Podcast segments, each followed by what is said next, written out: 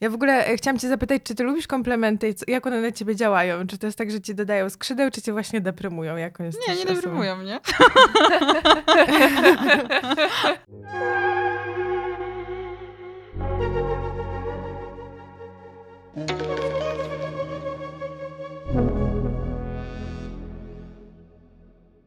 Chciałam zacząć od tego jakoś tak wyjątkowo, że straszną miałam przyjemność z czytania tej książki, ogromną. E, po prostu podskakiwała w miejscu jak kilka, w kilku fragmentach i tak strasznie się cieszyłam, że można tak pięknie pisać. E, I to nie jest takie pięknie, pięknie, że hmm, to jest dla mnie Że bardzo... jak Leśmian. że jak Leśmian, jest dla mnie po prostu jakiś nietypowy rodzaj pisania, w którym z jednej strony po prostu non-stop czuć jakąś taką e, masę po prostu intelektu, naczytania, erudycji, wiedzy, a z drugiej strony to jest tak wszystko prostym językiem i potoczyście i z werwą i z, z taką no, niesamowitą lekkością podane. I do tego jeszcze te wploty jakichś takich aktualnych kontekstów, jakieś żarciki, które są takie w punkt.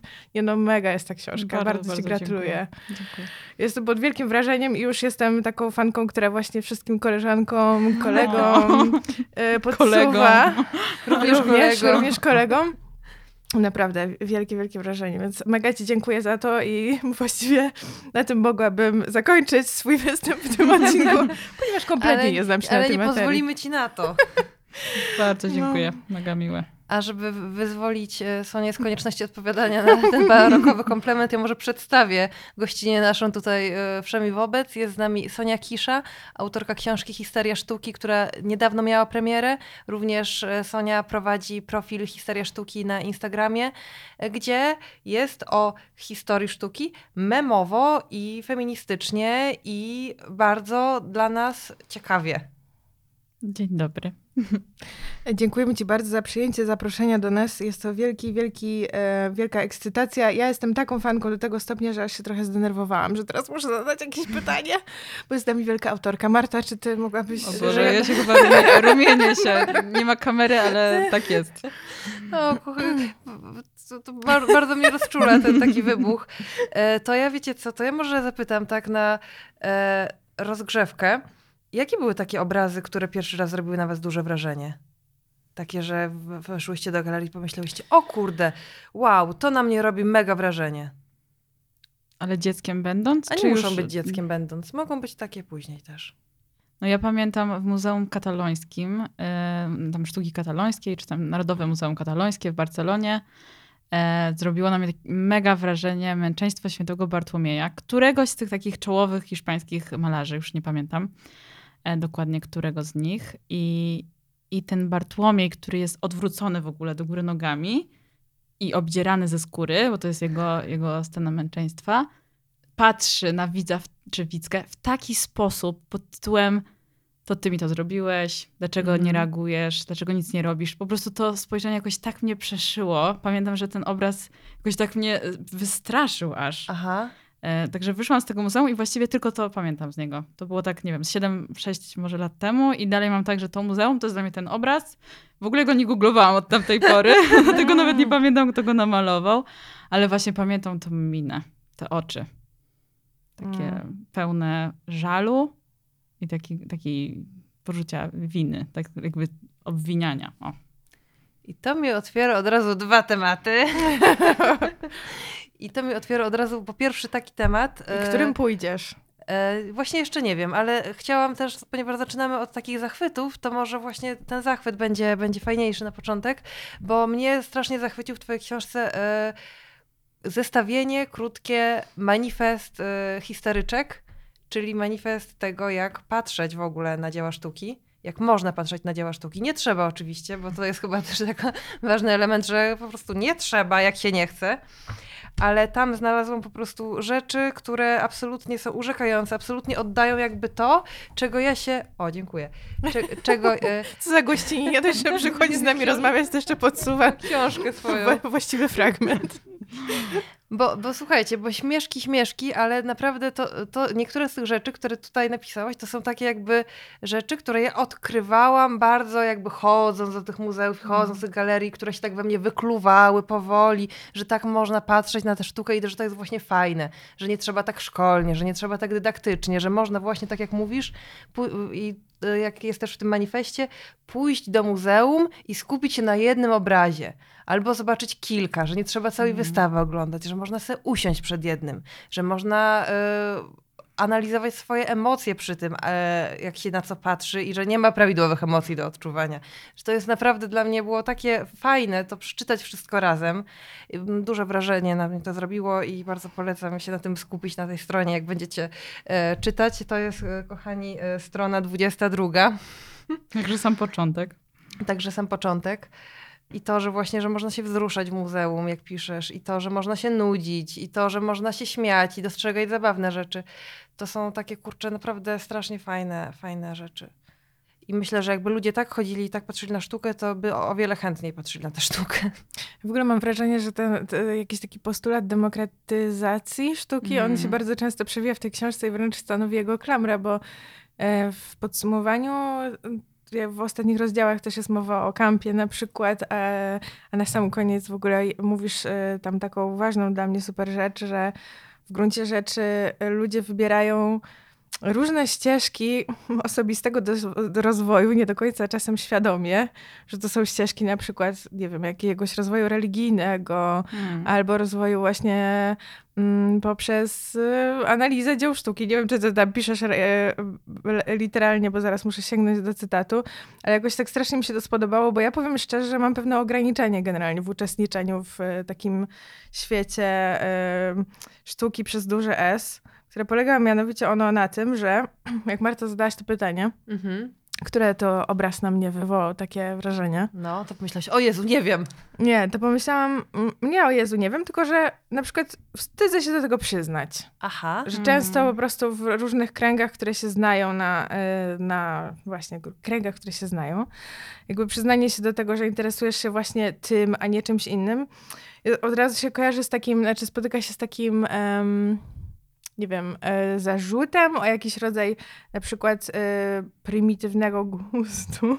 Mhm. Czy te, tym, że się na przykład nie znasz tak do końca, albo na przykład nie wiesz czegoś, że dany artysta czy dana artystka coś zrobiła złego w życiu. Okay. Już nie należy. To też jest dobry temat. E, znalazłam ten fragment. Oczywiście romantyzowanie sztuki wynika z ludzkich poszukiwań niej najgłębszego sensu, Boga, bogini, jakiejś wyższej istoty. Chcemy wierzyć, że to ona rękami człowieka tworzy coś, co jest odbiciem świata idei, tak jak we wspomnianej wcześniej kaplicy Zygmuntowskiej, ponieważ legitymizuje to nasze przeżywanie sztuki jako doświadczenia duchowego.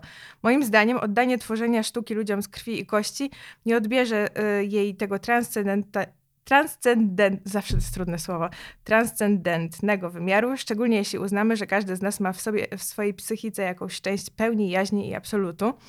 No bardzo jest to spójne z wieloma tutaj postulatami naszym, naszymi demokratycznymi w podcaście, ale, bo już bardzo długo o tym mówię, a co ja chciałam powiedzieć, że, yy, że dostrzegam ten wymiar w różnych częściach książki.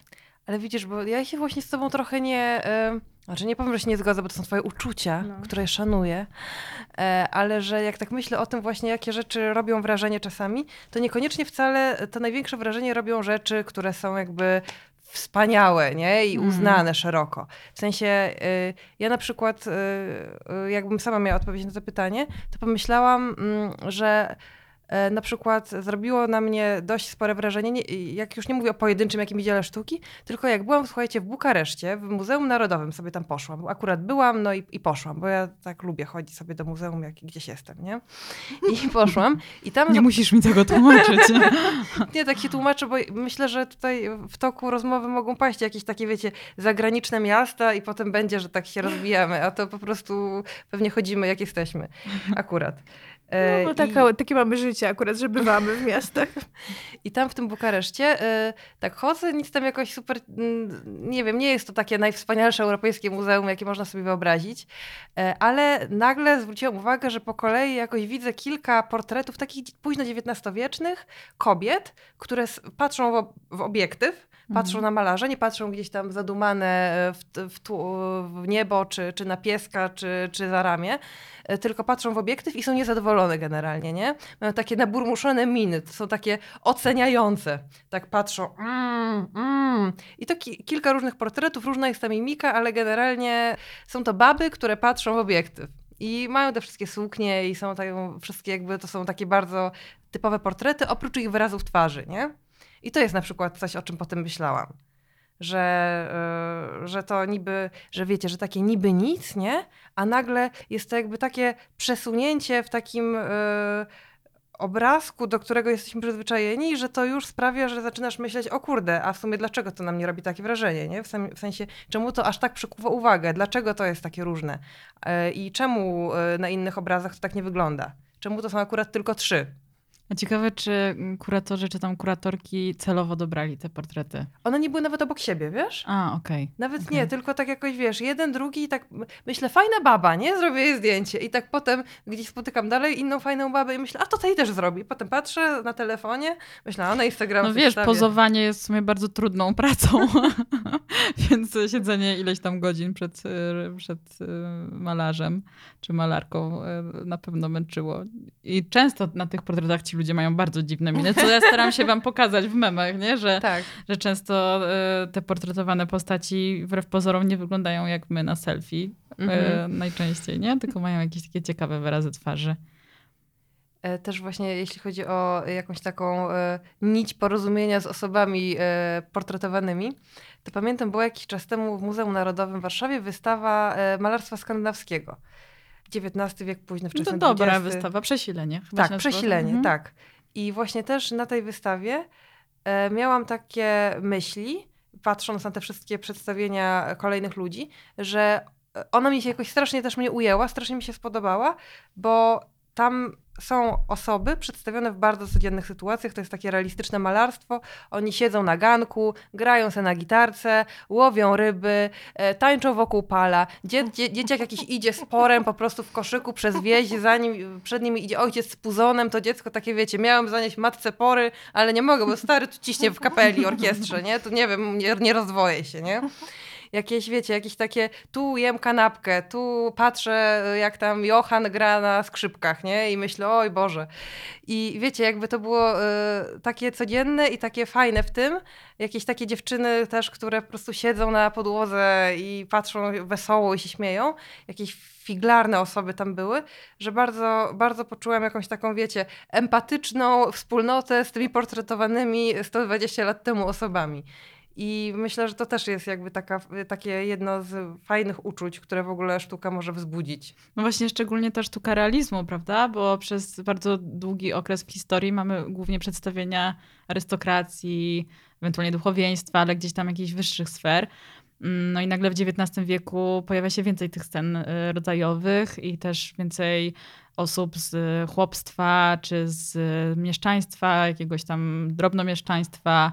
E, Więc to, jest- to jest też taki ciekawy punkt pod względem kwestii historii klasizmu czy klasy. W ogóle takiej historii społecznej, nie? Te brudne, Tak. te słynne brudne stopy na Babil lat, le, lecie Chełmońskiego widać na przykład, nie? Które były skandaliczne po prostu. Zresztą już Caravaggio to robił, też, też gdzieś tam przedstawił brudne stopy. Także to, to było gorszące kiedyś. E, Mhm. Natomiast no, myślę, że to zaciera tą granicę między, między postaciami przedstawionymi na obrazach a nami. Nie wiem, czy miewacie brudne stopy. No ja, mie ja miewam, więc... Ja e, tylko wśród bliskich. To tak, to pamiętam jak też byłam, jak też byłam, słuchajcie, w Finlandii z kolei. E, I tam e, w Helsinki... Znowu przez przypadek. Znowu przez przypadek. Tak i tam się jest zdarzyło muzeum, pewnego dnia w e, poniedziałek. A, Ateneum, w którym są e, realistyczne też właśnie obrazy. I tam jak urzeczona po prostu patrzyłam na taki obraz takiej malarki Elin Danielson Gambogi, który przedstawia dziewczynę, która siedzi przy stole po śniadaniu, nie? Tu jakieś skorupki od jajka się walają, A, tu jakiś kojarzę chyba chlebek, buła. obraz, I on no. tak siedzi, patrzy i sobie jara sz- Faja, tak, faja trzyma. szluga se jara i patrzy w dal, nie? I myślałam, Boże, siostro, nie? To, to, to przecież to ja. Mm. No, to jest, to jest cenne, żeby tak się potrafić utożsamić z obrazem. Ja nie wiem, czy ja kiedyś szukałam jakiegoś utożsamienia z bohaterkami obrazów. E, może to raczej na zasadzie, teraz tak sobie myślę, nigdy mi to nie przyszło do głowy, może to raczej na zasadzie jakiegoś takiego szukania, wiem, odzwierciedlenia jakichś stanów, których na przykład, do których się tęskni, albo Mhm. albo których się nie umie opisać. E, To właśnie już teraz odpowiadając Marta na twoje pytanie zadane kilka minut temu, mój pierwszy ulubiony obraz. Wow, ale, to, wy- ale wytrzymałaś to. Wyczekałam, Ja już bym zapomniała pewnie. opowieści po prostu. wyczekałam to bardzo mocno, więc tak, e, był to obraz, który zobaczyłam e, jako reprodukcję po prostu w podręczniku chyba języka polskiego, czy jakieś wiedzy o kulturze może. A może nawet w podręczniku do plastyki, nie wiem. Ale to był e, Mechofera obraz takiej kobiety stojącej w takim świetlistym salonie. Nie wiem, czy go kojarzycie. Mhm. Majowe słońce, majowe popołudnie, jakieś coś. Ja chciałabym powiedzieć tylko, że wszystkie e, obrazy, które wymieniamy tu wrzucę na Instagram, więc Tak. zobaczycie je wszystkie, możecie sobie zobaczyć. I, I on był dla mnie zachwycający już na tej reprodukcji, która była co prawda kolorowa, ale mała i e, jak mi w końcu było dane zobaczyć go w pełnej krasie i w oryginale, to się mega wzruszyłam, bo e, nic nie stracił z tego swojego efektu takiego, bo ona stoi, e, ta postać stoi do nas tyłem i patrzy w stronę ogrodu, który jest właśnie taki pięknie oświetlony, ale jednocześnie za nią jest bardzo duży e, kawałek tego salonu pokazany i stoi tam takie, taka roślina w doniczce, domin- jakaś taka dominanta, bo ona jest taka pionowa i wysoka. I pamiętam, że komuś opowiadałam kiedyś o tym swoim ulubionym obrazie, komuś, kto jakby nie zna kontekstu polskiej sztuki. I byłam przekonana o tym, że to jest drzewko pomarańczowe. Takie wysokie drzewo z pomarańczami. W stu procentach. To znaczy widzę to przed oczami, że to są pomarańcze. I potem znalazłam ten obraz w internecie. Okazuje się, że kompletnie nie, bo to róże kwitną. Ja mówię, ha, to jest twój ulubiony obraz. Ale ja też bym nie wiedziała tego. A nie wiesz, że... Ale to nie jest mój ulubiony obraz. No. Pomar- pomarańcze. No i teraz też e, się tak uśmiecham do tego wspomnienia, dlatego że ilekroć przychodzę tędy do, na, na nasze nagranie albo z jakiejś innej okazji, em, to mijam sklep z tanią książką i jest tam na wystawie od dłuższego czasu właśnie album e, z reprodukcjami Mechofera i tak się waham, czy sobie kupić i przestudiować to tak dokładnie, żeby już mi nikt nigdy nie powiedział, że tam nie ma kurde pomarańczy. Ale bardzo mi się to podoba, że miałaś taki wstęp o tym, że no, że ktoś będzie cię oceniał, że takie słowa. Ja tak sobie myślę, Boże, ona powie, że pocałunek Klimta. Albo Beksiński. Ale kiedy czytałam podręcznik. Ale to każdy, ale... Nie, bo No, nie. Bo to jest też takie doświadczenie moje bardzo wczesne. Ja pochodzę z takiego miasta, w którym za dużo e, sztuki w ogóle nie było. E, W sensie Sochaczewa, to już wiedzą wszystkie osoby, które nas słuchają od dłuższego czasu. I w Sochaczewie nie było za dużo sztuki, jak już też... Nie było tam za dużo sztuki. E, I zdarzało się, jak mieliśmy pojechać gdzieś zwiedzić lepszy kawałek świata, to e, rzadziej w ogóle niż do Warszawy jeździliśmy do, do Płocka. I tam jest Muzeum secesji. W, tak, i też z racji tego, że w pobliskiej katedrze tam były mm, freski, chyba techniką fresku, ale w każdym razie po prostu zdobienia w tym kościele zaprojektowane właśnie e, przez Mechofera, zdaje się, czy dobrze ja myślę? Myślałam, że mówisz o Pamiętasz? katedrze i że pogadamy sobie o średniowieczu, które lubię. Ale... W każdym razie, że to, to muzeum robiło na mnie ogromne wrażenie. Po pierwsze dlatego, że od wejścia trzeba było zdjąć buty i założyć te kapcie takie śmieszne. e, Już na szczęście tego chyba nie ma. Wtedy trzeba było, więc, ale to było dla mnie mega przeżycie, że teraz będziemy się ślizgać po tych podłogach takich pięknych, po prostu w tych kapciach, to jedno. Ale drugie, że tam w gablotach po prostu były podświetlane te wszystkie różne, wiecie, mm, secesyjne misy z jakimiś bajecznymi potworami i to było dla mnie zupełnie jak wstąpienie do jakiegoś po prostu kraj, krainy, Alicji z krainy czarów. Tylko, że na żywo. I no, dla takiego małego dziecięcego umysłu to było wielkie przeżycie. Znaczy mojego, bo moi koledzy i koleżanki niestety nie wszyscy tak się zachwycali, ale ja marzyłam o tym, żeby zamieszkać w tym muzeum i żeby zawsze móc właśnie sobie spojrzeć na taką wazę, jak ona pięknie się błyszczy. Tam były takie ważki różne, wiecie. Mm. Mhm. No, secesja ma to do siebie, że urzeka. Tak więc mi to zostało do dzisiaj, chociaż wiem, że to nie jest. No to następnym razem będziesz w Brukseli. Czyli za tydzień, czy tam nie jutro. Ale to, no tak, bo drogie słuchaczki, jeżeli któraś z was bardzo ceni y, Klimta, to też cencie go sobie, jakby tak, to tak. jest luz, to jakby... Ja sobie żartowałam. Bo po prostu to jest bardzo, bardzo, Przepraszam. nie, nie, ale po prostu to jest bardzo popularne, y, bardzo popularne jest y, lubienie secesji. E, Ale pogadajmy o tym średniowieczu. Ale nie, ale jeszcze bym odniosła się do, do, do, e, nie wiem, czy to był rant, ale do, do Klimta mojego komentarza. Ja też, ja dalej lubię Klimta, tylko to jest kwestia tego, jak często było używane, były używane te reprodukcje, że one się Mhm. tak opatrzyły że jak ja widzę filiżankę z Klimtem, to już nie mogę po prostu, bo szczególnie jak jesteście y, po historii sztuki, to, to się wydaje idealnym prezentem dla was. e, także ym, no tak było. E, nie rozmawiajmy o tym. Już nie będę mówiła o nazwiskach. Natomiast e, nie będę wymieniać imion moich znajomych. E, natomiast e, tak, no są takie obrazy, które po prostu są dobre, natomiast się tak opatrzyły Mhm. i zostały tak zniszczone przez konsumpcję, że ja mam jakiś taki odrzut od nich, że nawet jeśli one są dobre, to po prostu nie mogę na nie patrzeć. I niestety jednym z tych dzieł jest Klimt. Gwieździsta noc Van Gogha. Tak. Chociaż wiem, że wiele osób dalej y, jakoś y, lubią, prawda, Mhm. te, te obrazy. Natomiast no, jakoś mm, dla mnie to jest zniszczone po prostu przez marketing. I one też robią Niestety. wrażenie, jak się zobaczy je na Tak. żywo, wre, wreszcie na żywo zobaczysz. No, Coś takiego, tak. co widziałaś już na tysiącu filiżanek i na Ale tysiącu czasami to plakatów. rozczarowywuje, mam wrażenie, bo wiesz, masz tak nabudowaną jakąś taką, jakiś taki mit, tak jest trochę z Monalizą, nie? Mhm. Że po prostu to jest taki obraz, ikona i obraz, symbol i obraz po prostu już, też to jest, bardzo lubię ten temat, bo to, to jest już tak do granic możliwości w ogóle opatrzone dzieło sztuki, że jak je widzisz na żywo za tymi lust, szybami i za tym tłumem, Mhm. który właściwie nie patrzy na ten obraz, tylko chce sobie zrobić selfie z nim, to, to w ogóle traci, w ogóle to jest takie, a to jest takie zdziwiona, Tak. Ja w ogóle byłam zdziwiona, że to jest takie małe, naprawdę? I póki nie możesz spędzić chwili z tym obrazem, to w ogóle nie widać, co jest w nim wybitnego, nie? Mhm. Więc dopiero tak naprawdę na żywo nie możesz tego zobaczyć. To jest obraz, który istnieje tylko na reprodukcjach. Mm, Ma nieściągnięty werniks, bo wszyscy się boją, więc jest pożółkły. E, No, fenomen, fenomen. Trochę, po moim zdaniem, pokazuje absurd tego świata, nie? Że, że jest przehajpowany totalnie. Mm.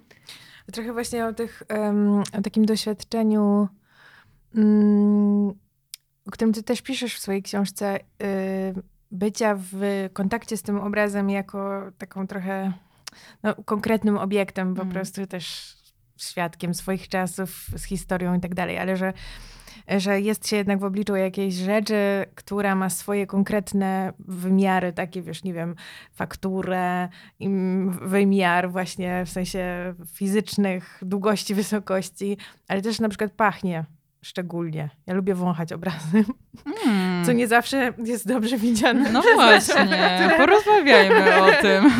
Ale nie tak, że dotykam go, tylko No, o, wow. tak- tak. Uwaga, Muzeum- pracownicy muzeum.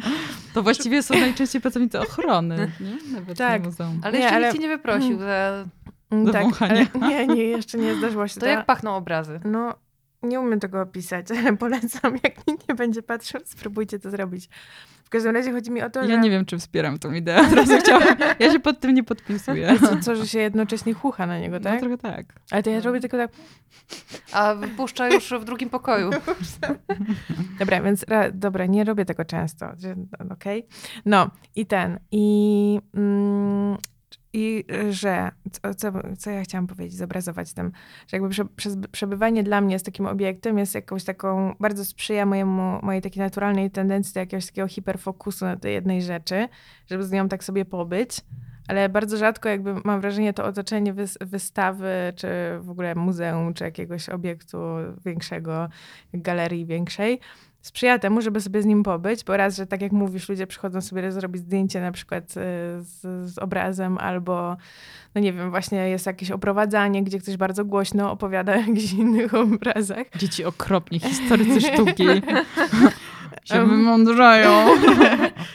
Ale ja bardzo lubię, jak, jak mogę to zrozumieć, ale ostatnio miałam to doświadczenie bycia w, w muzeum w... Uwaga, leci miasto. Tak, zaraz sobie spróbuję przypomnieć. To było w Oslo i oni mówili po prostu po y, y, jakimś języku, którego zupełnie nie znałam i nie mogłam niestety usłyszeć, co dokładnie jest, znaczy zrozumieć, co jest mówione, natomiast bardzo mocno słyszałam tego pana i on co chwilę przechodził za mną z sali do sali i zagłuszał moje własne myśli.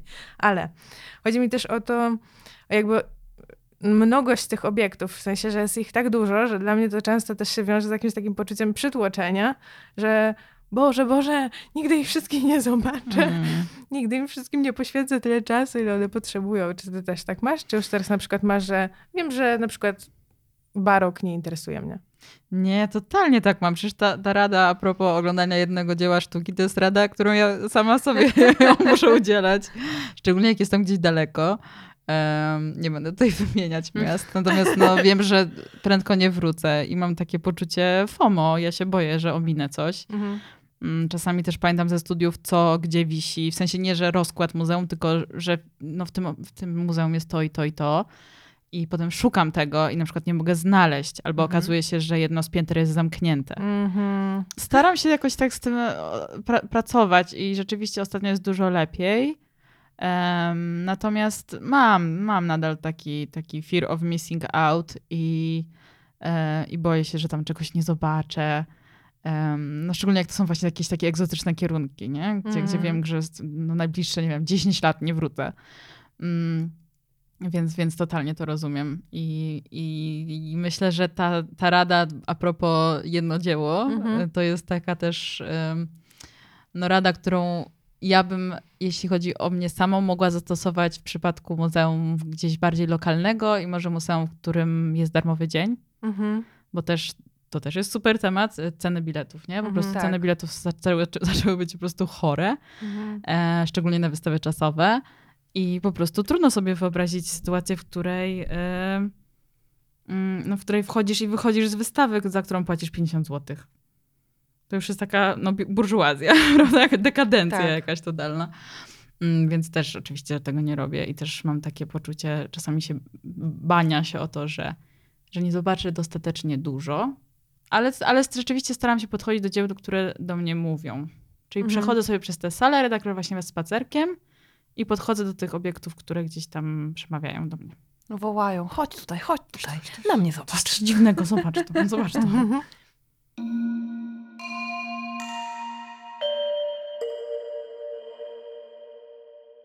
A macie czasami y, syndrom alternatywki w, w, muzeach?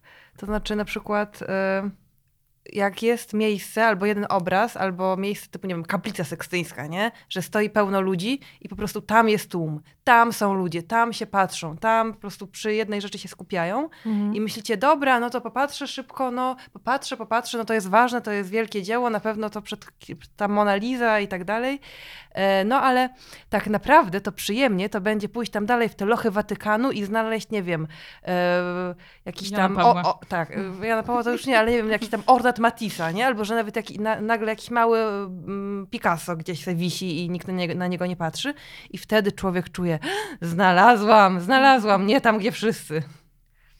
Tak, oczywiście, że tak. To jest ten snob in you. Każdy ma snob in, in, in you. Mm, I ja też tak mam, oczywiście, że wchodzę do tego Louvru i wchodzę do Louvru, byłam raz. E, i, I z takim, wiecie, z takim zażenowaniem patrzę na to, co się dzieje. No ale nie wiem, trudno tego nie oceniać. W sensie ja rozumiem poniekąd, ale stanie w 100 osób przed obrazem, którego nie widzisz, bo jest jeszcze za szybą. Mhm Mhm. No, alternatywnym e, z innego trochę obszaru mm, zjawiskiem, które, które znam i które wywołuje we mnie już teraz ciarki, nie wiem, czy to złości, czy, czy wstydu, czy już mi świeżbią, świeżbią palce, żeby napisać komentarz, ale ludzie w ten sposób zwiedzają, mm, zwiedzają, doświadczają różnych też miejsc przyrody. Czyli na przykład jadą na Islandię i pytają, jak można przejechać w 10 dni całą wyspę i zobaczyć wszystko. Znaczy, co są te najważniejsze rzeczy, żeby zobaczyć? Trzeba mieć świadomość, że jak się chce przejechać Islandię w 10 dni, to trzeba przejechać 1000 kilometrów dziennie, mm. bardzo duże od, odcinki i tak naprawdę na zobaczenie czegokolwiek zostają ci tak mniej więcej dwie godziny w ciągu dnia. Więc zanim zaparkujesz samochód, dojdziesz do, tej, do tego wodospadu, y, to już musisz wracać. Nie wiem, skąd to się bierze, taka potrzeba zachłanna, y, jakby zaliczenia tych wszystkich, mm, wiesz, y, najważniejszych, najważniejszych rzeczy. To samo się trochę dzieje czasami w Bieszczadach. Na przykład mnie to śmieszy na grupkach, na których jestem, bo jestem wielką fanką czytania postów na grupkach, że ludzie pytają, czy zdążą na przykład jakiś tam szczyt zaliczyć w dwie godziny, bo tylko tyle mają czasu a bardzo potrzebują go zaliczyć. I to jest właśnie to słowo. No więc w ten sam sposób mm. chyba zalicza się Monalizę, czy jakiś tam inny obraz. W, w ogóle zalicz Monalizę. To dobre, dobre hasło. No, żeby tak, dostać... w ogóle Louvre jest pusty. Louvre oprócz tego takiego korytarza, gdzie jest Nikes Samotraki i właśnie tam, tam gdzie jest Mona Lisa i kilka innych miejsc, jeszcze tam Leonardo jakiś wisi, tam kilka innych bardzo znanych osób, no to tam, tam jest pusto. Jak ja byłam, to naprawdę były po prostu, a wiecie, nie ma biletów, są kolejki, y, ludzie czekają kilka godzin, a są przestrzenie, gdzie w ogóle nie ma żywej duszy. Mm. Niesamowite to jest. I, I to jest bardzo często tak jest w muzeach. Takich, szczególnie to widać w takich muzeach, które posiadają jakąś taką perłę. Mhm. Że, że Tak. przed tą perłą jest tłum, a wszędzie indziej jest pustka. No ja byłam teraz właśnie w Oslo, w tym Muzeum Munka nowym pobudowanym. I one w gruncie rzeczy pobudowane po to, żeby tego Munka tam do, jakoś dociążyć i doświetlić, ale mm, y, nie ma już tam tych obrazów, które widziałam tam na, mm, parę miesięcy wcześniej, bo one wróciły do Muzeum Narodowego i okazuje się, że ta, ta mnogość obrazów jego jakby stopniała na rzecz Muzeum Nar- Narodowego i tam zostało już po prostu, nie wiem, połowa tych prac, nie chcę jakby skłamać, ale, ale dużo mniej. I te najfajniejsze obrazy, które wtedy widziałam, jakoś y, migrowały stamtąd. No i się okazuje, że ludzie płacą naprawdę bardzo duże pieniądze za ten bilet tylko po to, żeby wejść i zobaczyć krzyk. I wyjść. I, wyjść. I wyjść. A po drodze są też, no oni tam starają się na przykład promować jakichś młodych artystów, więc jedno piętro jest zawsze jakąś tam wystawą kogoś alternatywnego, nowego, młodego, kogo warto zobaczyć. Ale to nie są um, nowoczesne wariacje na temat Munka, tylko to są Nie, nie, normalne. nie. Normalne, ale są też wystawy jakieś tam, wiesz, no, współcześni Munka, więc możesz iść zobaczyć po prostu jakichś Mhm. innych artystów. Ale to już się cieszy dużo mniej, mniejszym zainteresowaniem, więc w ogóle mamy muzeum, które jest pobudowane z tą myślą o właśnie takich, os- znaczy w sensie tym rodzaju doświadczenia sztuki i takie, takiego rodzaju turystyce, nie? Że przyjdziesz tam właśnie po to, żeby to zaliczyć i, i wyjść z tego budynku. Mm. Niesamowite to jest. e, Ba, bardzo dziwne. Tym bardziej, że naprawdę te wartościowe obrazy są w, w pięć kroków dalej w muzeum, w muzeum Narodowym i tam już nikt nie chodzi. No, myślę, że bardzo często w świecie sztuki, że te dzieła, które mają najwięcej pu- publicity, kwitną i, i też e, no, muzea świetnie to wykorzystują do celów marketingowych, nie? Oni Tak. często jadą na tym jednym obrazie, który już masz tak opatrzony, że już nie możesz. I na wszystkich magnesach, i na wszystkich Tak, kartkach, i na Tak. wszystkich... No i e, pół biedy, jak to jest muzeum, które ma dużo takich dzieł sztuki, Mhm. nie wiem, na przykład, nie wiem, jakieś brytyjskie muzea, em, czy, czy właśnie francuskie, no ale gorzej jak to jest e, muzeum jednego obrazu, tak jak mówisz, i wtedy jest takie troszkę za- zawiedzenie może e, można doświadczyć. E, Ja bardzo w ogóle lubię takie mniejsze muzea, często sobie takie wybieram. Mhm. Tak jak mówiłaś, to w ogóle to muzeum w Płocku w Sececji jest świetne. Prawda? No. E, więc, Powiedz więcej. nie pamiętam jakoś super tego, byłam tam, nie wiem, na studiach, e, więc, więc jakiś czas temu. E, Natomiast chętnie bym wróciła. Pamiętam, że była jakaś dobra wystawa e, e, ekspresjonizmu, właśnie takiego około niemieckiego, może polskiego Mhm. też. Gdzieś, gdzieś tam mi świta, ale to były takie dobre, jakieś ryciny, jakieś rysunki, grafiki, takie ciekawe, ciekawe rzeczy. Poza tą secesją i art deco, które też tam wnętrz dużo, dużo jest po prostu. Jest na przykład fajne muzeum mebla, mebli, to jest oddział Muzeum Narodowego w Otwocku Wielkim. To jest bardzo ładny pałac. E, niedaleko Warszawy. To jest super miejsce na weekend, żeby sobie pojechać. Polecam wiosną może. E, natomiast no, są wnętrza y, takie historyczne y, i są nawet jakieś freski chyba XVII-wieczne, co się na Mazowszu raczej nie zdarza. No tak. E, więc polecam jako kierunek szu- szukać w ogóle czegoś lokalnie. Nie musicie latać do Oslo i Bukaresztu. To też było przy okazji, okej? A słuchajcie, ja bym chciała porozmawiać o y, Dolinie Dziwności na, e, w sztuce. W ogóle nie tylko już na obrazach, ale w ogóle o, o takim też e, w nawiązaniu do e, tego momentu manifestu, kiedy mówisz, że sztuka jest też, e, nie, nie będę cytować już dokładnie, ale że ona też może budzić takie różne emocje, może też bawić, może też w ogóle być jak, jakoś taką zabawn, zabawność może, może budzić. E, Znaczy, nie można, nie ma czegoś takiego. Dobra, wiecie o co Może chodzi. ko- komiczne. Że Tak, że może być komiczna, albo że może być, e, że może być też właśnie taka, e, nie wiem, ja strasznie lubię te wszystkie rzeczy, które są takie niepokojące trochę, albo trochę też śmieszne, w, każdym razie fantastyczne. Od średniowiecznych kotów, które grają po prostu na, na jakichś dziwnych małych e, gitarkach i jeżdżą na królikach i wiecie, jak wyglądają te e, dziwne średniowieczne ryciny, do, do takich rzeczy, jak na przykład była w Muzeum Sztuki Nowoczesnej w Warszawie jakiś czas temu wystawa, gdzie było dużo Aleksandry Waliszewskiej, ale też były inne rzeczy i na przykład, nie wiem, był Gobelin e, Wandy Bibrowicz sprzed wieku, świe- tam był święty Franciszek, który karmi pingwiny i pelikany, nie? Mm. I to jest przecież piękne. To y, mnie urzekają Ale kompletnie naraz? takie... On tak, jednocześnie? on naraz. On No tam, bo on tam chyba jest po prostu karmi ptaki. Tak. I, I on Mhm. tam się, karmi, karmił ptaki, ale to były pingwiny, pelikany, to nie było, że tam wróble siedzą, nie? Nie, to były pingwiny. I jakby strasznie, y, strasznie też takie rzeczy po prostu lubię. I, I wiem, że te elementy, na przykład właśnie te średniowieczne ryciny z rozmaitymi motywami, one są już też bardzo internetowo popularne. Ale o co tam chodziło w ogóle z tymi różnymi dziwnymi zwierzątkami w średniowieczu? Czemu to było takie? No oni w ten sposób starali się pokazać jakieś... Yy, albo to były takie groteski i miały na celu naprawdę rozbawić, yy, albo to miało pokazać coś, jakiś inny wymiar, tak? Że, że często każde zwierzę coś symbolizowało. Mhm. Więc to mógł być na przykład komentarz do tekstu. E, Ale czasami, czasami zdaje się, że wie, wiecie, jest mnóstwo ludzi, którzy się zajmują e, czytaniem tych, tych wszystkich mm, rysunków malowideł na marginesach. E, Natomiast, więc czasami one są związane z tekstem, a czasami zdaje się, że nie są, tylko po prostu są taką dekoracją, takim elementem ornamentu. Super ciekawe są, są te, te wszystkie przypadki tych rękopisów. To jest mega. E, Właśnie te ślimaki, które ze sobą walczą, e, jakieś przypowiastki, które są ilustrowane i na przykład ten kotek, kotek zwykle to jest taki, taka no, no, negatywny symbol, tak? No Nie, przepraszam wszystkich kociarzy, ale tak jest. Em, To jest taki raczej szatański, szatański Czyli symbol. Kotek jest szatański. On ma też Mhm. często taką ludzką twarz, nie? Ten kotek. No to jest to chyba już kwestia gdzieś tam umiejętności.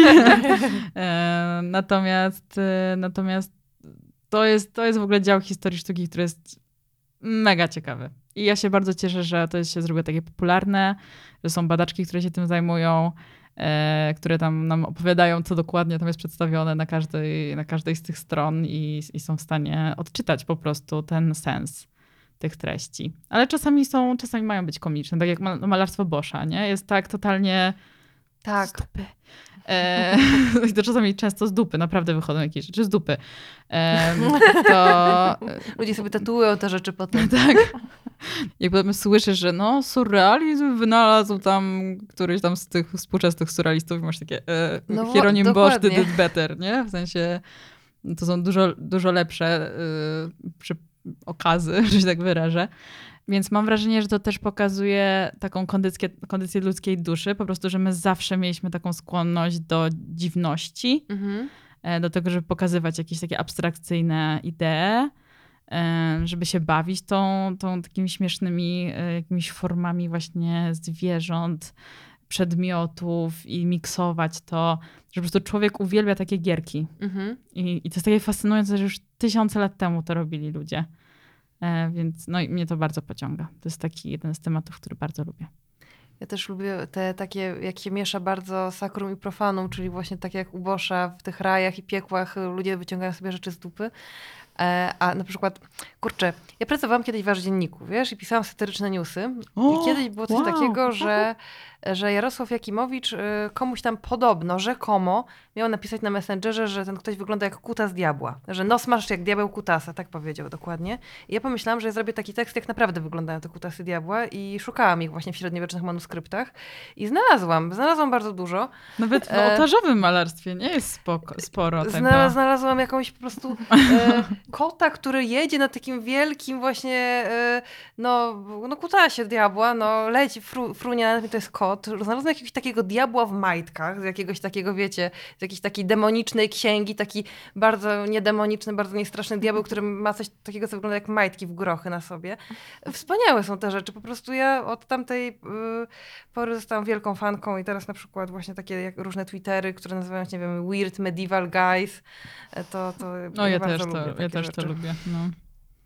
No dla mnie to jest taki pomost. To pokazuje, ej, oni też byli strasznie śmieszni. Nie tylko my jesteśmy, nie tylko my, którzy piszą aż dziennik, jesteśmy zabawni, tylko po prostu ludzkość od zawsze, od zarania dziejów miała taką potrzebę satyry, e, komentarza dotyczącego wszelkich kwestii społecznych, e, literackich i tak dalej.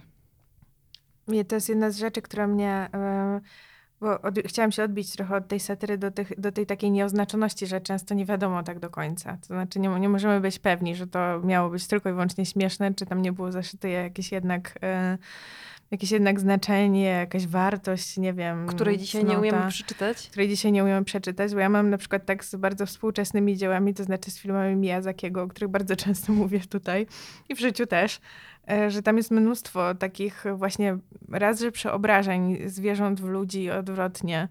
E, dwa, że właśnie jakichś takich scen, w których nagle coś bardzo groźnego staje się groteskowe i śmieszne i że już masz zupełnie inną emocję. Nigdy nie jest tak właściwie, że ten, kto, jak postać, która zaczyna jako nie, niebezpieczna e, w filmie, kończy jako niebezpieczna, bo na przykład potrafi się przeistoczyć właśnie od bycia jakimś takim, mm, jakąś nemezis do bycia najlepszym przyjacielem głównego bohatera. I e, Zastanawiałam się długo i kopałam, e, już bez przesady, Magda, ale zaczęłam trochę kopać w tym, czy, czy jest to jakaś taka na przykład, czy to ma związek z mm, jakimś konkretnym wymiar, wymiarem religijnym po prostu y, japońskim, w którym w ogóle ten rodzaj prze, przekształceń i właśnie takiej nie, nieoznaczoności ma, ma jakiś taki głęboki, głębszy sens religijny, ale potem właśnie sobie pomyślałam, że w gruncie rzeczy u nas dużo też tego było jakby w takich pismach właśnie mistycznych, y, jakichś takich rozkminach na temat tego, co, co, co złe, co dobre i czy w ogóle można mówić o jakimś dobru i złu. Nawet w folklorze, mm. nie? W baśniach przecież no tak, no bo jak zobrazować to zło i dobro, nie? Że to są takie e, tak e, abstrakcyjne często pojęcia, że one potrzebowały jakiegoś obrazu. Ale myślę, że to też ma związek z kulturą mocno. Mm. W sensie ja jakoś Japonią się mocno nie fascynuję, ale jak literacko kojarzę, to tam się dzieją bardzo dziwne rzeczy dla mnie. No ale no tak, akurat y, może to te filmy mają mniej wspólnego z, z tymi literackimi tekstami, o których teraz, teraz myślisz, niż, niż z tymi bestiami e, średniowiecznymi z Europy. Wydaje mi się. Przynajmniej taką mam, e, taką mam intuicję. No, oczywiście jest to też bardzo mocno związane z jakąś taką właśnie logiką snu, że coś ci mm. się tutaj. Ja przyznam się, że przed tym nagraniem dzisiaj tutaj pozwoliłam sobie na drzemeczkę godzinną. A taka ponieważ... byłaś figlarna. taka była figlarna. Czy możemy przenieść nagrywanie podcastu? Nie wyrobię się. Nie, właśnie ustawiłam sobie budzik bardzo precyzyjnie i żeby, żeby zdążyć. A ponieważ skończyłam czytać e, twoją książkę dokładnie przed, przed tą drzemeczką, to mi wszystkie te toposy się zaczyna, zaczęły tam, wiesz, mieszać i przeobrażać. Świadomość działała. No, no cudowne doświadczenie, powiem wam. Byłam w takim wielkim pałacu. Opowiedz nam, opowiedz nam, gdzie nie, byłaś. Nie, nie, nie. To nie, to nie jest materiał na ten podcast, ale zdecydowanie byłam w wielkim pałacu, w którym spotykałam bardzo różne rzeczy, które z tej książki jakoś tam mój mózg wyekstraktował, więc polecam czytanie tej książki przed snem. Wrażenia będą wspaniałe. No to ja właśnie myślałam, że nie przed snem, żeby się nie denerwować, bo, bo, bo, wiesz, tam bije gniew podobno. Bije gniew? Bije gniew. Tak? Że, że jest tak, że jest gniewna. Słyszałaś? Mhm. E... Że to jest książka wściekłej feministki? Dostałaś tak, takie zarzuty? tak, ale to nie był zarzut, to było chyba pozytywne. A, że fajnie, że Znaczy ja to odebrałam jako pozytywne, nie wiem, może to był zarzut. O kurde. E, ja właśnie miałam wrażenie, że to jest takie brakuje mi polskiego słowa, ale a może tak, wyważone? Nie, no ja dla mnie też. Ale mam wrażenie, że to po prostu jest bardzo indywidualnie może być odebrane. No, nie? nie, no jasne. Um, że no. to wcale nie jest ani obrazoburcze, ani nie ma być jakieś skandalizujące, ani nikogo tam nie Myślę, że zależy, wiesz, po prostu bardzo od doświadczeń ludzkich. No pewnie. Natomiast to, co mówisz, no jasne, takie archetypiczne i takie nieświadomościowe rzeczy, ja to też lubię bardzo. E, sobie rozkminiać, nie? co tam przychodzi w snach. Mhm. Zresztą piszę o tym w książce, staram się tam e, tak faj, fajną taką metaforę e, oceanu, jak nieświadomości. Więc... Bardzo fajna metafora. W ogóle chciałam cię podpytać o ten wątek jungowski, bo on mi tak wjechał już To jest mocno. metafora, którą usłyszałam pierwszy raz na warsztatach Arkadiusza Tabero, mhm. który jest doktorem filozofii i terapeutą. terapeutą psychologii zorientowanej na proces. I on użył tego, e, tego oceanu, ja go tam trochę rozbudowałam. Dodałam wajanę, wiadomo. Wątek Disneya trzeba było gdzieś wrzucić. E, ale e, pamiętam, że ja to wreszcie zrozumiałam w ogóle, że wcześniej czy- czytałam Junga i miałam takie, Boże, czy ja coś w ogóle rozumiem z tego? No bo Jung bardzo dziwnie pisze. Mhm. Bo on pisze tak jakby o tym, o czym pisze. W sensie, że forma jego pisania jest taka sama, jak, e, że to jest taki wszystko się, tak. Stanisław Przybyszewski. Hello, hello, w ogóle o co chodzi. Czytasz to i masz, Jezu, jeszcze raz, jeszcze pięć razy to, to przeczytam. Ale mam wrażenie, że to potem dochodzi do Mhm. człowieka. Przynajmniej ja tak mam z Jungiem. Ale pamiętam, że jak, e, że jak właśnie Arkadiusz Tabero to przedstawił na warsztatach, to miałam takie, Boże, wreszcie to rozumiem. ja bardzo lubię, jak ktoś trudne idee przekuwa w takie proste metafory albo schematy. Mm. To mi tak pomaga bardzo. W ogóle dla mnie to jest taki wyznacznik tego, czy ktoś coś rozumie. Mhm. Wytłumacz mi coś prostymi słowami. No właśnie bardzo często mam wrażenie, że nie wiem, ja, ja z tego powiedzmy um, literaturoznawczego świadka się wywodzę, że często miałam wrażenie czytając czy słuchając osób wypowiadających się na temat jakiejś tam zawiłej kwestii, um, Miałam wrażenie, że wręcz ten język ma jeszcze dodatkowo to uwikłać Mm. i, i zawikłać, i zaciemnić, bo w ten sposób jakoś się oddaje jakby rangę, czy pokazuje się, jak bardzo ta kwestia jest złożona, im bardziej w złożony sposób się o tym Okropne to jest. tym Nienawidzę tego. Ale też, że sprawia to pewną przyjemność osobom, które mówią i tym, które słuchają, bycie w tym takim e, snobistycznym takim sosiku, Mhm. że jakby ktoś tutaj wszedł z ulicy, to nie będzie wiedział o co chodzi jako żywo i może będzie miał wrażenie, że to jakaś sekta. No tak, ale właśnie to, to jest to, co mówisz, że dla tego kręgu to jest przyjemność. Tak, tak. Natomiast tak, jak się wychodzi spoza tego kręgu, to wypadałoby mówić trochę innym językiem. tak. Dla mnie przynajmniej, jako, Mhm. jako popularyzatorki sztuki, nie? Mhm. Że, że to wypadałoby jednak zmienić ten język na jakiś ro- zrozumiały.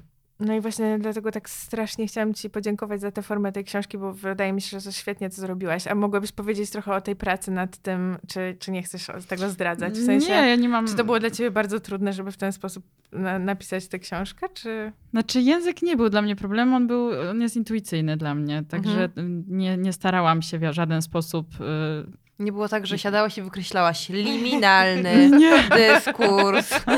Znaczy tam są takie słowa, nie? No, Są, są też czasami trudne słowa, e, ale po pierwsze staram się zawsze na profilu też tak tłumaczyć wszystko, tak dość Mhm. jasno. No i pamiętam, jak właśnie wysłałam ten tekst i odezwała się e, tam moja redaktorka, żeby mnie uprzedzić przed, przed dostaniem tekstu po redakcji, który nie, nie był jakiś bardzo okrojony. Po prostu chodzi o to, że jak się robi redakcję, to wszystko potem jest czerwone, bo wystarczy, że zmienisz jedną, jedno słówko i wtedy musisz zmienić każdy przypadek i wiecie, jak to wygląda. Mhm. Mm, ale powiedziała taką bardzo miłą rzecz, że, że one się starały robić redakcję tak, żeby nie zmieniać w ogóle mojego stylu. W sensie, żeby nie ingerować w ogóle w Mhm. język, nie? Mhm. w stylistykę mm, tego języka. I to było takie bardzo miłe. I wtedy sobie uświadomiłam, że a może coś rzeczywiście do, dobrze napisałam. Więc to nie było dla mnie... Znaczy samo pisanie w ogóle jest trudne i, i, i to jest trudny proces, żeby usiąść i pisać. Miałam z tym problem, natomiast y, styl nie był jakimś super problemem. Że tak y, intuicyjnie. Czy jak sobie wyprojektowałaś czytelnika, który sięgnie po tę książkę, to miałaś, Czytelniczka. Czytelniczka. czytelniczkę, to miałaś, na, to miałaś na myśli właśnie taką osobę, która nie siedzi za głęboko w temacie i może jakoś się interesuje, ma swój ulubiony obraz, ale... Znaczy ja w ogóle myślałam, że ten, y, ta książka będzie trafiać bardziej do ludzi, którzy gdzieś tam się historią sztuku, sztuki interesują. Mhm. I jestem tak miło zaskoczona, że nie tylko. Mhm. E, Więc trochę żałuję, że na przykład y, używałam takich sformułowań, zresztą ktoś tam mi to y, napisał czy powiedział, że, że no, każdy z was zna tą rzeźbę.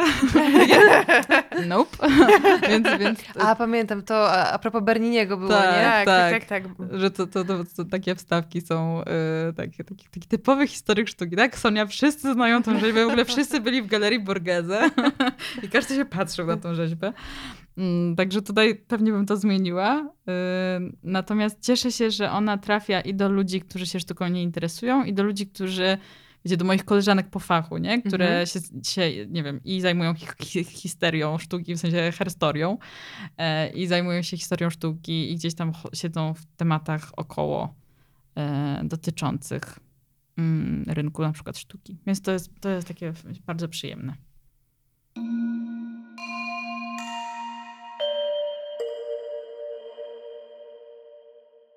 No ja się dowiedziałam wielu nowych rzeczy z tej książki. Yy, chyba najbardziej mnie zas zaskoczyło ten kawałek o, o piekle, o tym, jak Jezus wstępuje do piekła. Mhm jakoś zupełnie to pominęłam w mojej edukacji, a, a miałam na studiach generalnie ten temat mhm. wszystkich tych tekstów biblijnych. Pochylaliśmy się nad nimi długo i z namaszczeniem.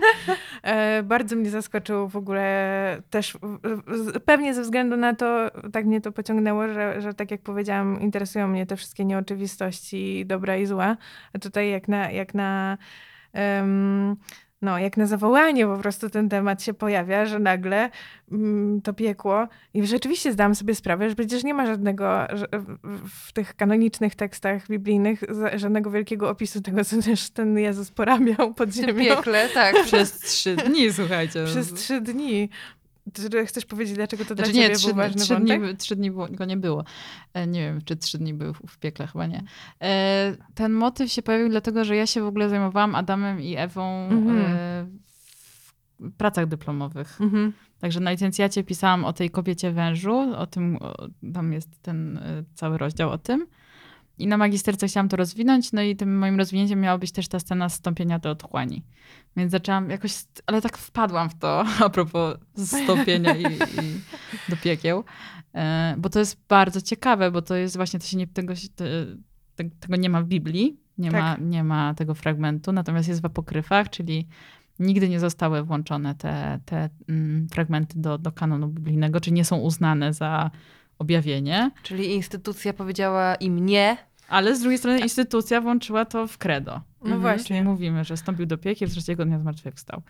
E, więc wierzymy w to, mimo że nie ma tego w Biblii. I nikt z drugiej strony, chodząc do kościoła i powtarzając to za każdym razem. A co on w tym piekle robił? A zaraz, zaraz, czy ksiądz, ksiądz mógłby rozwinąć ten wątek? Bo ja przepraszam. W moim znaczy podręczniku tego znaczy, nie wiesz, ma. Jest sporo takich dogmatów, które się tak naprawdę pojawiły dopiero, jak to się jakoś nawet nazywa ładnie po łacinie, ale nie przytoczę tego, e, które dopiero się pojawiły jako dogmat oficjalny, po tym jak ludzie e, już w to wierzyli. Na przykład Aha. Immaculata, ta niepokalana Maria niepokalanie poczęta, więc... E, Ale poczekaj, bo jaki był pierwszy, jaka była pierwsza wersja, że jak to się stało? Nie, bo to chodzi o to, że ona, ona była poczęta bez grzechu. Czyli, że An, Anna, jej matka, Aha. ją poczęła bez grzechu. Aha. Także... A to dziecko The, the, Baby, jak A The Baby też. The Baby to w ogóle, to też bardzo lubię. Miałam zresztą też pisać o scenach gastowania, bo one też są świetne. Bo The Baby y, też jest poczęte w ogóle to się mówi przez ucho, że, mhm, bo tam przez słowo, tak? Słowo stało się ciałem, logos. E, słowo, właśnie to słowo to nie jest za dobre określenie, bo logos to jest też tam idea i tak no, dalej. Tak. No ale mamy takie fajne sceny, w których mamy y, postać e, anioła, który mówi do Maryi, tam Ave Maria, gratia plena, bla, bla, I, Czyli... takie, I są takie promienie, i tam po tych promieniach wstępuje taki mały Jezusek. Przez ucho. Przez ucho. Super no, to jest. To jest super w ogóle. Ja uwielbiam, uwielbiam tę scenę. Także jest sporo takich dogmatów, które gdzieś tam już ludzie w to wierzyli. No wydaje mi się, że też w dużej mierze y, rola Marii y, jako matki też była podyktowana tym, że po prostu ludzie byli przyzwyczajeni do jakiejś E, bogini, która nagle nie było. tak. Przepraszam, kogoś mi tu brakuje. Przepraszam, jak, ten, jak to się stało? Przepraszam, a do kogo w sprawach dzieci, dzieci się mamy modlić? No dokładnie. Znaczy tutaj te święte męczennice, no ale to też później. Ale myślę, że ten dogmat maryjny właśnie e, Maria Teotokos, czyli Maria Matka Jezusa, Matka Boża, że to też się rozwijało przez tą silną potrzebę po prostu człowieka. Ja ostatnio śledząc y, z wypiekami na twarzy inbę o rzeźbę Iwony Demko w Teatrze Narodowym, ja zawsze, dramatycznym. nie, dramatycznym, przepraszam, oczywiście, Jezus, nie pomylisz nazwiska artystki, pomylisz teatr.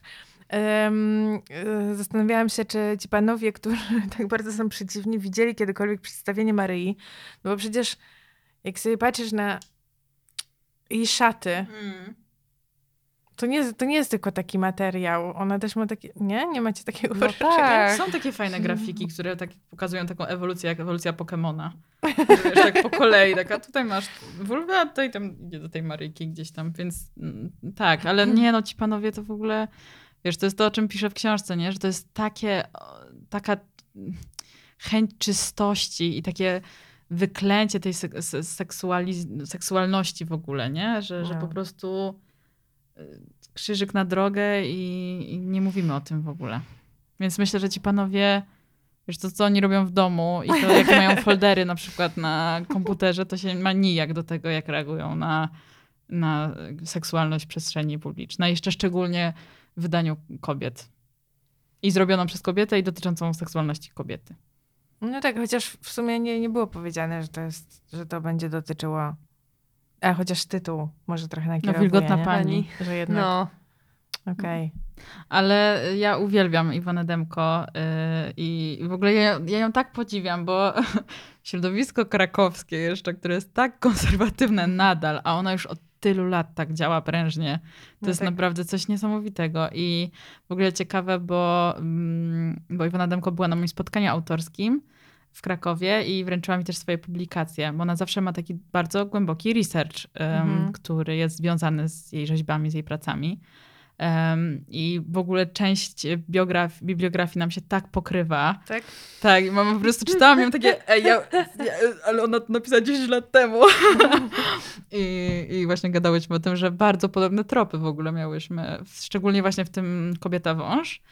E, Ona robiła taką wystawę Anioły o, o sex worku, o prostytucji. I, e, I bardzo też tam dużo o tym pisze. W taki właśnie naukowy sposób stara się dojść do czasów e, prostytucji sakralnej na przykład, nie? Mega ciekawe i właśnie bardzo ją podziwiam za ten research i za tą w ogóle stuprocentową odwagę, żeby w tym męskim świadku e, tak cisnąć. Niesamowite.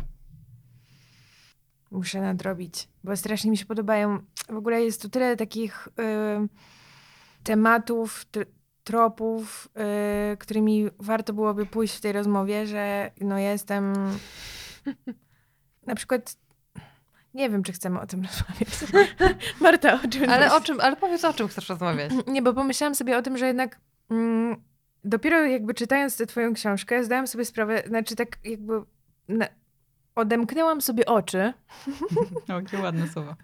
albo może nawet inaczej, jakby poczułam się jakoś tak uprawomocniona do moich negatywnych odczuć na temat przedstawień antycznych uprowadzeń kobiet, Mhm. które to uprowadzenia nigdy nie były jakoś szczególnie Konsensualne. e, konsensualne, ale też jakoś w moim toku edukacji e, nazywane e, po imieniu. No dużo pamiętam, spędziliśmy czasu na analizie tych mitów, ale jakoś nikt nigdy, chociaż to często były nauczycielki, nie, nie robił jakiegoś takiego, wiecie, mm, przejścia, że jednak hello, hello, nie, Mhm. nie było to do końca fajne, bo nie Mm. mówimy tu tylko i wyłącznie o jakichś, e, e, nie wiem, uosobieniach idei, ale jednak o bohaterkach, które mają jakieś swoje intencje, dążenia i potrzeby i nagle pach. Mm, nagle Zeus. Ja miałam taką książkę, jak byłam mała, mity greckie Roberta Gravesa i tam jest o uprowadzeniu Europy, jeden z Mhm. tych mitów opowiada. I tam pamiętam, że wtedy na mnie to zrobiło jakby wrażenie, no utożsamiłam się oczywiście jako dziewczynka sześcioletnia z Europą, prawda, a nie z żadnym kurwa, bykiem. I, i, I rzeczywiście to było y, jakby, wydaje mi się, że tam... y, na tyle był oddany ten e, dramatyzm sytuacji, że rzeczywiście to była trudna sytuacja dla Europy. E, I potem właśnie jak na przykład e, tego rodzaju przedstawienie widziałam, to trochę mi się to oczywiście kojarzyło później już tak też feministycznie się bardziej uświadomiłam, to wiadomo, że, że widziałam tam różne rzeczy, które są niefajne. Choćby właśnie ten Bernini, słynny z... Kto tam kogo uprowadza? Hades Persefone? Nie. Mhm. Hades Persefone. Ale powiem, że po twojej książce w ogóle, po tym jak przeczytałam ten rozdział, to zaczęłam to widzieć dużo bardziej niż przy takich oczywistych e, e, motywach, takich jak mitologiczne. Na przykład e, byłam, słuchajcie, w sobotę w Muzeum Narodowym znów na wystawie Arkadia. To jest. O, wiemy o czym będziesz mówiła. Tak. Wiesz? Mhm. A skąd wiesz? Bo o faunie. E, ten satyr i dziewczyna. tak, to znaczy tam jest kuszenie, się rzeźba nazywa. Czyli to jest ten... y, Ale to nie, nie jest jedyna... Debicki? De, de... Już, już mówię. To jest Cyprian Gode, Godemski, Godemski. Kuszenie. I tam Mhm. rzeczywiście siedzi faun, satyr i siedzi mu na kolanach dziewczyna. No, obrzydliwa jest No- ta rzeźba. Rzeźba jest obrzydliwa. On rzeczywiście, ten satyr jest satyrem. No wiecie, dziewczyna tam się odsuwa. No kuszenie, no nie wygląda tak. Mm. Kuszenie wygląda to jak... Y, ta rzeźba powinna się nazywać coś bardzo obleśnego. Albo tak nie powinno być. Mm. Ale jest No, no jeszcze... choćby molestowanie, w sensie tak, o, at least. Ale tam jest jeszcze jeden obraz, e, obraz właśnie ciekawy. E, Wystawa Arkadia. Jest e, tam taka struktura, że najpierw jest pokazany taki mit Arkadii w malarstwie na przykład XVIII-wiecznym, wszystkie takie sielanki, tam panie z pieskiem biegają sobie po ogrodzie jakimś klasycznym, no i potem to przechodzi do takich bardziej nowoczesnych interpretacji, ale właśnie był taki obraz właśnie XVIII-wieczny. E, Jest to obraz pana Jean-Baptiste Patera, który nazywa się Zabawa w plenerze, rozrywka żołnierzy. To jest właśnie taki sielankowy obraz, Mm. że są rozbite namioty, siedzą seci żołnierzy, jakieś I tam... oni są rozrywani, mam I, nadzieję? e, Nie? oni są, słuchaj, rozrywani poprzez obecność pań. I panie tam siedzą i z, tymi żołnierzami e, to jest taki obraz, e, w którym te postacie są takie z, oddali. E, duż, duża jest ta scena, wiele tam jest postaci. I właśnie te panie są takie. I tak stałam taki, patrzyłam na ten obraz myślałam, dobra, ale w jakim charakterze są te panie tam, nie? Czy jakby one tam chcą być, te panie, ta, ta rozrywka żołnierzy, tam ona chce być, czy ona tam nie chce być za Mhm. bardzo, nie? Jak to wygląda w sumie ta rozrywka? I tak stałam sobie, tak popatrzyłam, pomyślałam, no i co, i no poszłam dalej, nie? Ale co miałam zrobić? Ale, ale tak właśnie... Rzucić zupą w obraz. Nie żartuję, był żart. No, Nie wąchajcie też tego obrazu. no, No, co ciekawe, to ostatnio moja przyjaciółka mi powiedziała, że jej córka, y, która ma trzy latka, przeglądała moją książkę i się spytała, co ten pan robi tej dziewczynce. A, o, a właśnie a propos, A propos Berniniego? Berniniego. I ja miałam takie wow, ona to czai, czyli nam Aha. to, kult... czyli to jest ewidentnie to, co powiedziałam, Tak. tak. że to nam kultura robi, nie? Po prostu kultura gwałtu, która y, nam normalizuje wszelką przemoc, y, przemoc seksualną. I no co ten plan robi tej dziewczynce Mhm, w ogóle, mhm. nie? Bo tam jest tak silny kontrast też Tak. tego y, bardzo zmaskulizowanego mm, ciała i, i tego ciała takiego wiotkiego y, proserpiny. No mocne to jest. Jest też, są też takie przedstawienia porwanie sabinek, No Które- nie, nie. No. Mhm, tak? które pokazują też e, żołnierzy e, rzymskich, którzy porywają Sabinki, bo tam było za mało kobiet w Rzymie tak, tak. wtedy. I oni chcieli wyrównać e, demograficznie e, struktury społeczne i po prostu porwali, e, porwali kobiety Sabinów, Sabinki. Co jest w ogóle jeszcze straszne, to to, że ta historia chyba się kończy tak, że potem ci Sabini wrócili do Rzymu, żeby wkopać tym Rzymianom i odebrać te swoje żony, a te y, tutaj, ale nie bijcie się, bo my w sumie lubimy i was, i was. Nie wiem, to rozumiesz, tak, że ta soczewka po prostu tego Rzymu, że takie, tak, bo tak by właśnie zrobiły porwane Mhm, kobiety. Tak. Chyba, że syndrom sztokholmski wszedł y, na grubo wtedy. 365 dni explained, Sabinki. E, tak, Sabinki tak. Edition. Tak, tak. No właśnie, bo też się odnosisz do Blanki. E, Nie mogłam się nie odnieść. Pracuję w branży księgarskiej, wiecie. Bo to też mm, właśnie bardzo, bardzo to doceniam, że, że pokazujesz jakby ciągłość pewnych zjawisk przez epoki. E, I że niestety nie możemy powiedzieć o tym, że już teraz wszyscy są świadomi i widzą po prostu transparentnie, czego dotyczy ten e, mit i jak bardzo jest szkodliwy. E, No mnie zaskoczyła ta popularność tych powieści i nawet kiedyś to z Martą chyba dyskutowałyśmy na ten temat. O, nie raz. O nieraz Mm. e, że jest to przedziwne. Em, Czyli, czy ty widzisz, jak wch- wchodzisz do instytucji kultury e, pokazujących sztukę historyczną, e, jakiś taki zwrot w kierunku jednak uczulania widzów na to, że no, ta praca jest, e, dotyczy w gruncie rzeczy jakiegoś rodzaju przekroczenia? Mm, jeszcze nie za bardzo. W Mhm. sensie widzę, na przykład teraz y, robiłam stories o Nowosielskim i, i tam na przykład bardzo pięknie to jest pokazane. Mhm. Bardzo pięknie jest wytłumaczone, czym jest male gaze i jak bardzo fetyszyzował y, ciało kobiet Nowosielski Ale mówisz o jakiej E, wystawie? O... na Zamku Królewskim, sz- sztuka widzenia. I tam no, naprawdę szapoba dla, dla kuratorki i kuratora, że, że pokazali to. E, natomiast na przykład w Arkadii brakuje bardzo. Niby tam jest coś o, ym, o queerowości, natomiast brakuje tego. Myślę, że w większości muzeów jeszcze brakuje. Myślę, że, że tak jeszcze potrzebujemy. Znaczy, ja w ogóle mam taką potrzebę, żeby było więcej takich problemowych wystaw, bo mm, ja już nie mogę patrzeć na monograficzne wystawy wielkich artystów. W sensie mam mega z tym problem, nie? Że wchodzisz Mhm. na wystawie. Pan X był najwybitniejszym malarzem XX wieku. Mhm. Witamy po prostu w szkole podstawowej. Opracowanie merytoryczne, naprawdę wysoki poziom. No nie, no to już. I to nie chodzi tylko o to, że, że gdzieś tam to nie spełnia moich oczekiwań jako historyczki sztuki, bo ja wiem, że nas jest 1% i nie dla nas się robi wystawy. No ale też mam wrażenie, że ludzie są już troszkę bardziej świadomi. Mhm. Nie mam taką, może, nie, mam- może mam taką nadzieję, o może tak, że, że gdzieś tam się zaczyna widzieć na przykład. y, na przykład byłam rozczarowana tym, że na tej wystawie bez gorsetu o rzeźbiarkach y, polskich i y, Claudel nie Też było w ogóle o. Mhm. Tak, nie było w ogóle o Rodę i o tym, że on też był przemocowy wobec Claudel. Nie było chyba o tym. I to na przykład mnie zdziwiło bardzo, bo to było dość ważne w kontekście jej biografii. Także czasami brakuje. Nie wiem, czy się ludzie boją o tym pisać. Żeby nie było od razu że lewackie, że, że tutaj e, rewizjonizm. No tak, ale w dużym ale- mieście, no. No ta, przydałoby się, żeby ta nowa historia sztuki, która właśnie się zajmuje takimi problemami Mhm. społecznymi też i, i kwestiami feministycznymi i queerowymi, żeby zaczęła się przebijać przez, wiecie, przez to, że naprawdę my się tym, my się tym, w sensie ja to sobie popularyzuję, ale są ludzie, którzy to badają od, nie wiem, 50 lat i na Mhm. uniwersytetach jest mnóstwo o tym. E, Jest mnóstwo badaczek i badaczy, którzy całe życie poświęcają, żeby badać te kwestie Mhm.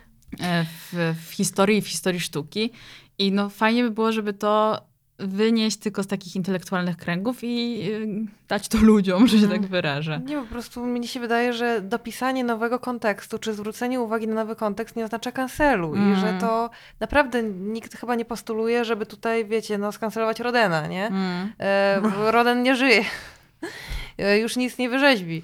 E, Ale, ale rzeczywiście dołożyć po prostu jakąś e, nową No wiedzę. Gauguin, ten Gauguin i, i te jego Tak. tahitanki, nie? No, Tak, no warto by było dodać, że on miał 50 kilka lat, a one 13. to ja się oburzyłam rzeczywiście jak, jakiś czas temu na jednej, na, na wystawie widziałam właśnie jakieś ta- tajtanki Gogena i po prostu i szuka i naprawdę myślę, nie no, ja poszukam teraz, gdzie jest coś opisane, nie? To było w Berlinie i myślę, no nie no, w Berlinie to będzie, nie?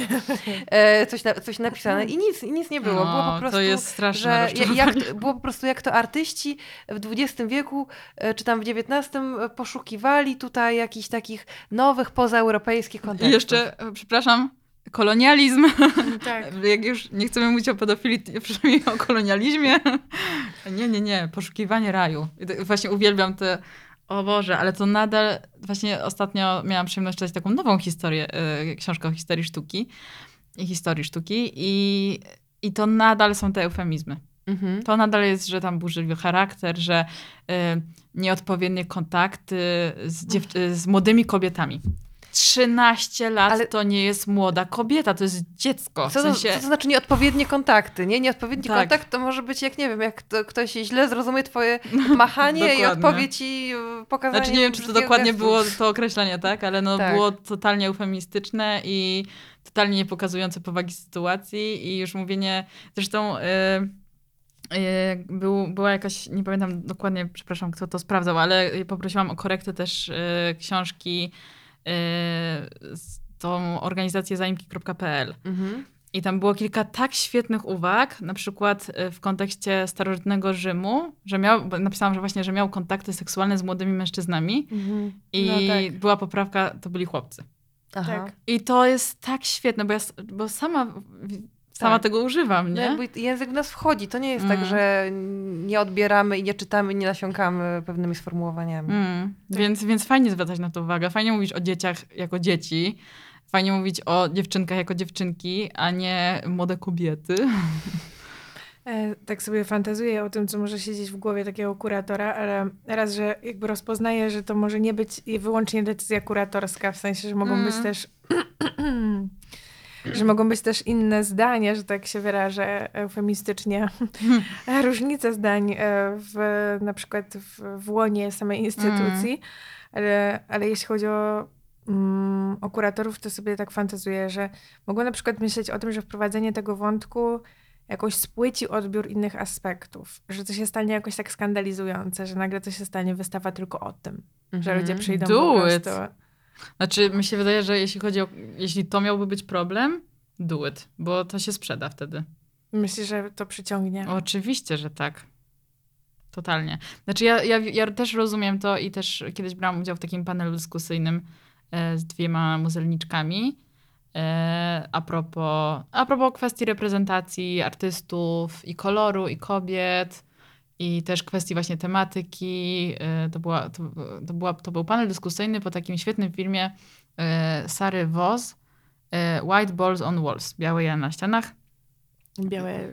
Białe jaja na A, ścianach. jaja. Chodzi. No, generalnie o białe wypadło. jaja na ścianach, o to, że nasze muzea to są białe jaja na ścianach.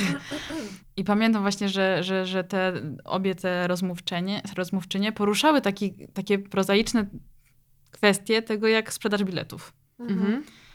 Ale mam, nie wiem, mam wrażenie, że żyjemy już coraz bardziej w świecie, który docenia e, kontrowersje i chociażby właśnie ta wystawa w Zamku Królewskim teraz, która jasno mówi o feministycznych rzeczach na przykład, no dalej jest super y, doceniana, nie? Jest mnóstwo, jest duże zainteresowanie.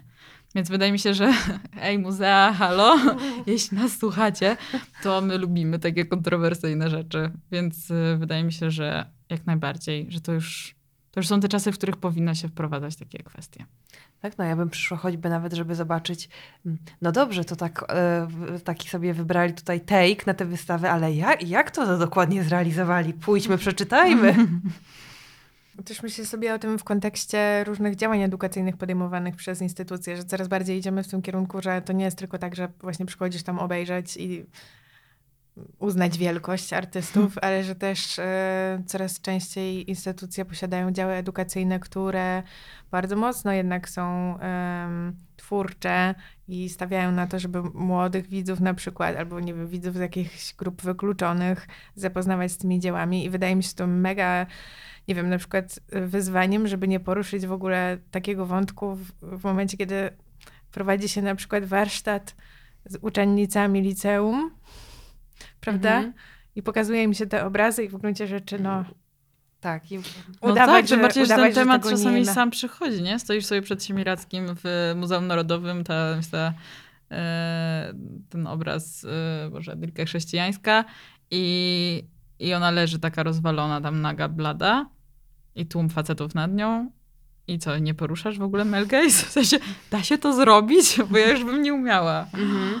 E, czy bardziej, że dla licealistów, tak jak mówisz, że to będzie prawdopodobnie interesujące wtedy, nie? W sensie, że tak jak zasugerowałaś może przynajmniej, ale ja odczytałam tak twoją... Tak mi się wypowiedź. wydaje, no, że po prostu jeśli nawet nie ma tam jakiejś, e, jak ty to określiłaś sama e, siebie, krnąbrnej, tak, nie? Napisałaś chyba o Mhm. swojej krąbrności, że jeśli nie ma tam krnąbr- krąbrnej jednej, kurde, ale sobie wybrałam słowo, no, krnąbrnej uczennicy, która zada takie pytanie, no to mm, no też często, nie wiem, młodzież na przykład reaguje jakimś jednak mm, chichotem na takie Mm. Pytanie to rezonuje w głowie, nie? I właśnie Mm. objawia się zewnętrznie, na przykład w formie nerwowego chichotu potem. Mm. Albo Mm. takiego, e, e, patrz. No ja pamiętam, ktoś mi opowiadał taką scenę, y, ja, ja skończyłam UKSW, y, tak, tą postkatolicką uczelnię. I know, trudno w to uwierzyć. E, Ale i- dajmy tam chwilę. Co? Dlatego Adam i Ewa. Dlatego Adam i Ewa, dlatego ten Jezus. E, Natomiast pamiętam, że moja koleżanka, która studiowała na UW, mówiła, że jak chodziła na oprowadzanie po Muzeum Narodowym, mm, to chyba Antoni Zięba sta- stanął, spo- postawił swoich studentów i studentki przed Madonną z jednorożcem. No i tak ich maglował. Dlaczego, czym, czego symbolem jest jednorożec? No, czystości dziewictwa. No ale dlaczego? No i wszyscy wiedzą, że chodzi o ten róg, prawda? Mhm, Ale tak. no nikt tego nie powie, nie? że to jest y, faliczny po prostu symbol. Bo y, tak się, tak się polowało na jednorożce, tak, tak według y, fizjologów y, średniowiecznych, że y, trzeba było skusić y, jednorożca dziewicą. I to jest przez ten róg. I to jest dość takie oczywiste skojarzenie, jak już tak stoi przed tym i ktoś ci powie, no a co on ma na czole? No ale podobno studenci tak właśnie reagowali. No panu profesorowi powiesz, że chodzi o kutasa. No tak. Znaczy e, Antoniemu Ziębi akurat chyba spoko, bo to jest taki bardzo otwarty człowiek. Natomiast y, no, natomiast mam wrażenie, że wiele z nas odbiera takie rzeczy gdzieś nieświadomie albo świadomie, natomiast właśnie nie uczy się nas o tym mówić bez zażenowania. Mhm. I, I że często może sami ci edukatorzy czy, czy nauczyciele są zażenowani takimi tematami wokół seksualności, e, więc ich nie poruszają.